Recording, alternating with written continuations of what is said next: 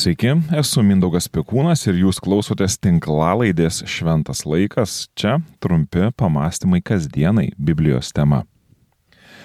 O žaltys buvo suktesnis už visus kitus laukinius gyvulius, kuriuos viešpats Dievas buvo padaręs. Taip prasideda pasakojimas apie polimą, apie nuodėmės ateimą į mūsų pasaulį. Yra įdomu pastebėti, jog žodis suktesnis yra giminingas žodžiui nuogas. Tai įdomi detalė, nes vos tik prieš pasakojimą apie žaltį yra rašoma, kad Adomas ir Jėva buvo nuogi. Žmogus ir jo žmona, tačiau jie nejautė jokios gėdos. Pradžios knyga, antras skyrius, 25 eilutė. Adomas ir Jėva buvo nuogi, tačiau žaltys buvo savotiškai nuogesnis. Čia reikia atminti, jog hebrajų kalba yra pakankamai santuri. Žinoma, tai nereiškia, kad jai trūksta gilio, tačiau kad ir kokia ši detalė apie nuogumą atrodytų įdomi, vis tik reikėtų neskubėti su teologinėmis išvadomis, kad netyčia tekstui neprimesti to, ko juo ir nėra norima pasakyti. Man šis įdomus uh, žmonių nuogumo sugretinimas su žalčio suktumu sudomino labiau iš psichologinės uh, pusės, nors reikia pripažinti, jog kažkuria prasme viskas ir pasakojimai apie žmonės, ir pasakojimai apie Dievą yra susiję. Pirmiausia, noriu pasakyti, kad ne visas nuogumas yra blogas ar netinkamas. Ir šiuo atveju aš nekalbu apie fizinį nuogumą. Šios istorijos kontekste aš nuogumą pirmiausiai vertinimu, vertinu pažinimo ir realybės suvokimo prasme. Tėvai negali būti iki galo atviri su vaikais, kai šie dar yra maži profesoriai negali papasakoti visų dėstomo dalykų niuansų pirmo kurso studentams. To nedarome ne dėl to, kad norime kažką slėpti. Greičiau, prie kai kurių išvadų ar žinių reikia tiesiog priaukti. Auginant vaikus tai ypatingai yra aktualu, nes ne visas temas jie gali suprasti bei padaryti tinkamas išvadas. Ypatingai čia galima paminėti, kai vaikams yra brukamos temos apie lytiškumą ar net visai skatinama rinktis savo lytį ar su ją eksperimentuoti, kai jie dar tokias temas nagrinėti nėra pasiruošę. Taigi, vienas nuogumas yra visiškai geras ir primtinas, tačiau atsiverimas nelaiku kitoms idėjoms ar patirtims gali būti traumuojantis ar net pražutingas patyrimas. Jėva ir Adomas buvo nuogi vienas prieš kitą ir nejautė jokios grėsmės ar gėdos. Tačiau ateina gundytojas, kuris savotiškai yra nuogesnis ir paverčia e, arba priverčia juos pasikalbėti apie dalykus, kurie jiems vėliau atveria akis, tačiau atneša gėdą bei kaltę. Toliau Biblijoje rašoma, kad gundytojas paklausė moterį, ar tikrai Dievas sakė, nevalgykite nuo jokio medžio sode. Moteris atsakė žalčiui, vaisius sodo medžių mes galime valgyti tik apie vaisių medžio sodo viduryje Dievas sakė, jūs nuo jo nevalgysite, nei jo liesite, kad nenumirtumėte. Bet žaltys tarė moteriai, jūs tikrai nemirsite. Ne, Dievas gerai žino, kad atsivers jums akis, kai tik jo užvalgysite ir jūs busite kaip Dievas, kuris žino, kas yra gera ir kas yra pikta. Kai moteris pamatė, kad tas medis buvo geras maistui, kad jisai buvo žavus akims ir kad tas medis žadėjo duoti išminties, jis skynėsi jo vaisiaus ir valgė, davė jo ir savo vyrui buvusiam su jie ir jis valgė. Tuomet abiejų akys atsivėrė ir jėdu suprato esą nuogi. Jie susisiuvo figmedžio lapus ir pasidarė savo juosmens aprišalus.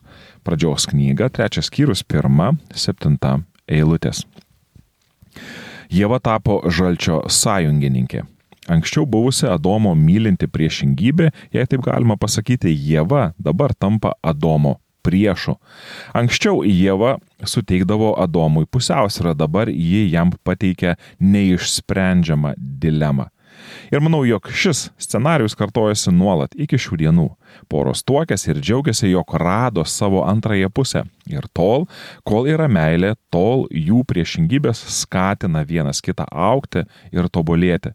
Tačiau užsikrėtę žalčio mintimis apie tai, jog nieks man nenurodinės, kaip gyventi arba kas aš esu, sutoktiniai tampa jau nebemylinčios vienas kitą priešingybės, bet nesutaikomi priešai. Priešingybės, kol tarp jų yra meilė ir juos vienijanti dvasia, yra palaima. Dingus tai meilė ir pasitraukus tai draugiškumo dvasiai užgimsta priešiškumas. Sukurdamas vyrą ir moterį, Dievas savotiškai sukuria dvi asmenybės, kurios viena kitą papildo ir sudaro vieni. Viename Adome Dievo atvaizdas niekaip nebūtų tilpęs ir nebūtų pavykę jam jo atskleisti. Adomui reikėjo Jėvos, kuri Dievo kūrybą išbaigė. Šios dvi pusės, pavadinkime jas, kad ir dešinė ar kairė, yra reikalingos ir jos tampa pražutingos, jei tampa vienintelis. Dešinė kaip konservatyvi, o kairė kaip progresyvi. Kalbu kiek apibendrindamas, žinoma, tačiau Adomą mes matome kaip kokį patriarchą, kuris yra tiesėjas tradicijos ir į visą realybę arba visą realybę apibrėžia pagal tai, kas jam buvo perduota. Na, o Jėva mūsų skaitytame pasakojime apie žaltį bei gėrio ir blogio pažinimo medį yra lyg kokia profsąjungo atstovė, kuri yra pašaukta atspindėti prislėgtųjų balsą, bando įsiklausyti į gamtą. Ir šiomis dienomis ši moteriškoji pusė su visu ekologiniu judėjimu yra gana populiari. Žmogus yra kviečiamas įsiklausyti į gamtą, elgtis su ją pagarbiai ir su ją sugyventi. Galų gale sunku nepastebėti, kad pati gamta ir žemė yra pateikiama kaip moteris ar motina. Žaltys tikrai galėjo būti nepatenkintas Adomo jam duotų vardu ir iškelti skundą. Dievo sukurtoje visatoje tam yra suteikiama galimybė. Tačiau žaltys tampa simboliu visko, kas yra arčiausiai žemės ir toliausiai nutolę nuo dangaus, bei Dievo nustatytai tvarkai meta iššūkį. Sode, kur viskas turi vardą ir savo vietą, kyla maištas. Reikia įsiklausyti. Tačiau kur yra ta riba tarp įsiklausimo ir nuolaidžiavimo? Ar reikia priimti bet kokį nuogumą ir su juo taikytis? Moteris sukurta kaip padoma antroji pusė, kad šis pamatytų save, dabar tampa neišsprendžiamos dilemos šaltiniu. Ir jei, kaip sako Paštlas Paulius, moteris buvo žalčio apgauta ir suvedžiota, vis tik Adomas dilemos akivaizdoje pasirinko prie žalčio prisijungti. Jėva pasirinko įsiklausyti į žalčio nepasitenkinimą nurodinėjimams iš viršaus, ji užsikrėtė mintimi, jog nustatytos tvarkos autoriai tai daro netinkamais motyvais ir tapo viena su žalčiu. Dėl nuodėmės ateimo į mūsų pasaulį Jėva nebuvo kalčiausia. Adomas ir Jėva abu pasirinko taip, kaip pasirinko. Tačiau Jėva sutikdama viena kalbėti su sugundytoju paliko meilę Dievui ir meilę Adomui ir subtiliausių būdų tapo Adomo priešu. Jėva galėjo neklausyti žalčio ir paklusti Adomui. Pačias įdingiausias to formas, manau, mes galime matyti daug kur šiandieninėje visuomenėje, kai vyrai reikalauja iš savo žmonų paklusnumo, nes yra Dievo paskirti būti šeimos galva, dar nesigilinant, žinoma, kaip tas buvimas šeimos galva yra suprantamas. Gundytojo draugijoje viskas tapo kiek sudėtingiau ir Jėva pareikalavo, kad Adomas paklustų jos pasiūlymui. Ir mes matome, kur nuvedė visą žmoniją toks reikalavimas paklusti vienai pusiai. Tačiau buvo ir kitas kelias - dialogo kelias šio dialogo tarp Jėvos ir Adomo, tarp gėrio ir blogio pažinimo, prie gėrio ir blogio pažinimo medžio mes, na, nematome. Atrodo, jog visi gyvena po vieną, kai sudėtingoje situacijoje reikėjo kalbėtis, reikėjo išminties. Apaštlas Jokūbas rašė, kas tarp jūsų išmintingas ir patyręs? te parodo savo kilnų elgesį išmintingo švelnumo darbais. Bet jeigu jūs savo širdyje puoselėjate karto paviduliavimą ir savanaudiškumą, todėl e, tuomet nesigirkite ir nemeluokite tiesai. Tai nėra išmintis nužengus iš aukštybių, bet žemiškas, gyvuliškas ir demoniškas gudrumas, kur pavydas ir savanaudiškumas ten ir netvarka, bei įvairūs nedori darbai. Iš aukštybių kilusi išmintis pirmiausia yra tyra, paskui taikinga, maloninga klusni, pilna gailestingumo ir gerų vaisių, nesviruojanti bei nuoširdi. Jokūbo laiškas 3 skyrius 13-17 eilutės. Žaltys buvo suktesnis nei kiti.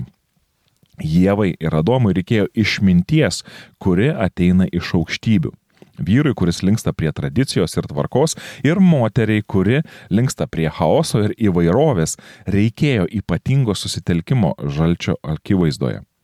Britų kilmės filosofas Alfredas Whiteheadas rašė, mąstymo tikslas - leisti mirti idėjoms, o ne žmonėms. Manau, kad kaip tik tokio susikalbėjimo ir pritrūko Jėvai su Adomu. Dialogo, kuriame žalčio mintys ir idėjos būtų mirę, kuriame suktas ir demoniškas nuogumas būtų deramai pridengtas arba tiesiog atmestas. Demonui pavyko, jis užgožė visą eterį savo žodžiais ir mintimis ir leido savo nuodėmingai pasaulyje žiūrai suleisti šaknis į Adomo ir Jėvos širdis. Jis suskaldė bei supriešino pirmąją porą jiems apie tai net deramai nepasikalbėjus. Ir tai atnešė mirtį. Kalbėkime, tarkimės, eikime į dialogą, neužsidarykime savo monologuose. Grįžkime pas Dievą, kad prisipildę jo dvasios papildytume vienas kitą ir taptume vienas kitam ne priešais, o mylinčiomis priešingybėmis. Jūs klausote šventas laikas. Tikiuosi, kad ši tinklalaidė buvo tai, ko jums šiandien ir reikėjo.